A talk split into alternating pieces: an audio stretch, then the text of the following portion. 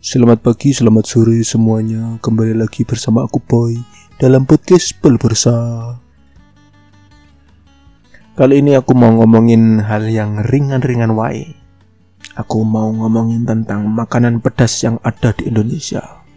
Tapi aku nggak mau ngomongin tentang tujuh makanan pedas di Indonesia atau lima hal yang paling pedas di Indonesia. Nggak mau ngomongin itu. Juga aku nggak mau ngomongin tentang pedasnya kehidupan. Kalian di sini banyak yang suka makan pedas? Atau ada yang nggak bisa kalau nggak ada pedasnya? Karena memang Indonesia itu terkenal banyak dengan makanan-makanan khas yang pedas. Misal di ujung pulau Jawa, daerah Banyuwangi itu ada namanya nasi tempong.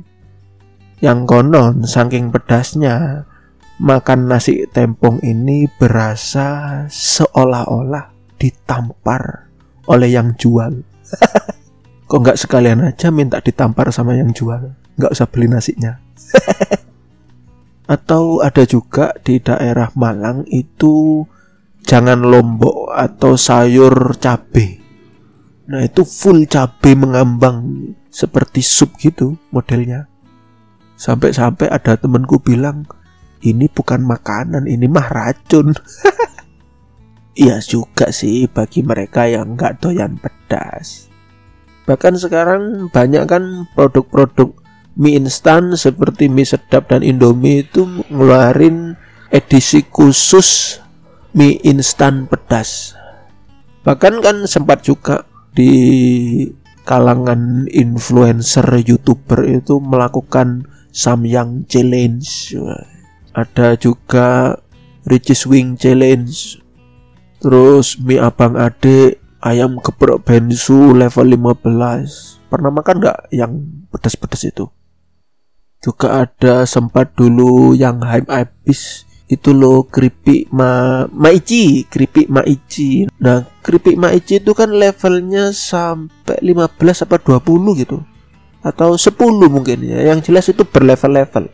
Pedasnya minta ampun kalau aku sendiri sih aku suka makanan pedas. Tapi ya pedas yang masih bisa dinikmati. Nggak pedas yang sampai nggak bisa dimakan.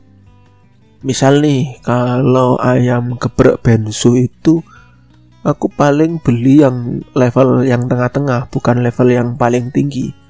Karena level yang paling tinggi itu bukan untuk dimakan itu untuk tantangan aja. Main game sesama teman gitu berkelompok ayo siapa yang bisa ngabisin ini? Gitu aja.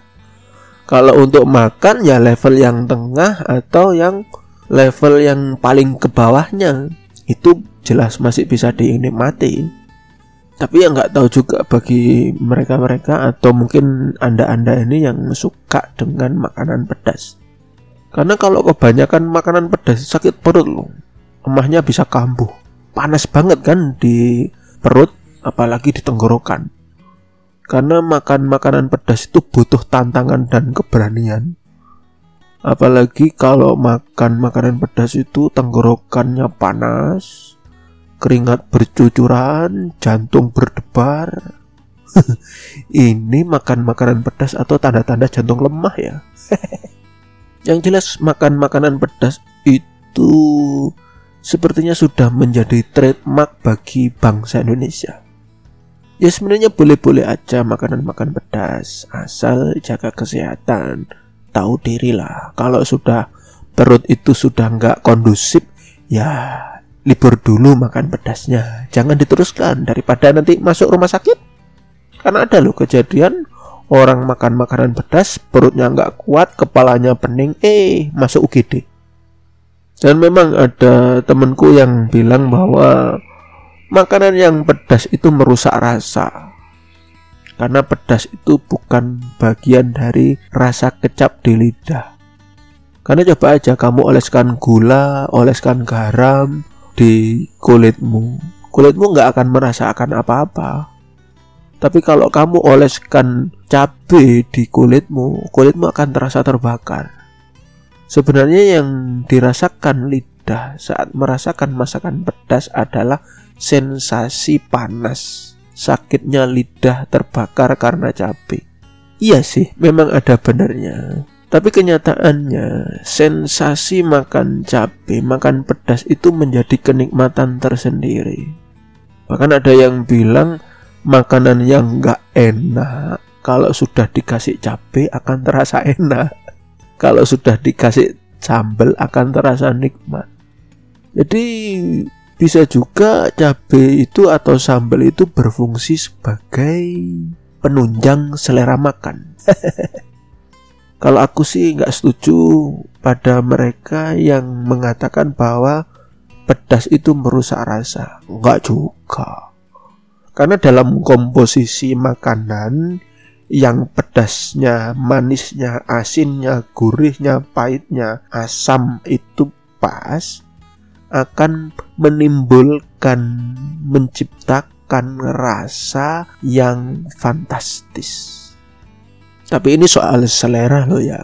Aku nggak bisa memaksakan selera makanku dengan orang lain.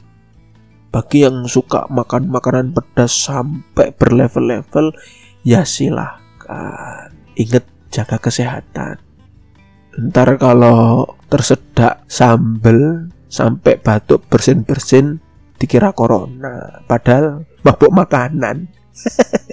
Oke segitu dulu. Ini gabutku gak jelas karena merindukan makanan di warung-warung. Saat ini kita sedang melakukan social distancing. Happy way di rumah way sampai jumpa lagi. Bye bye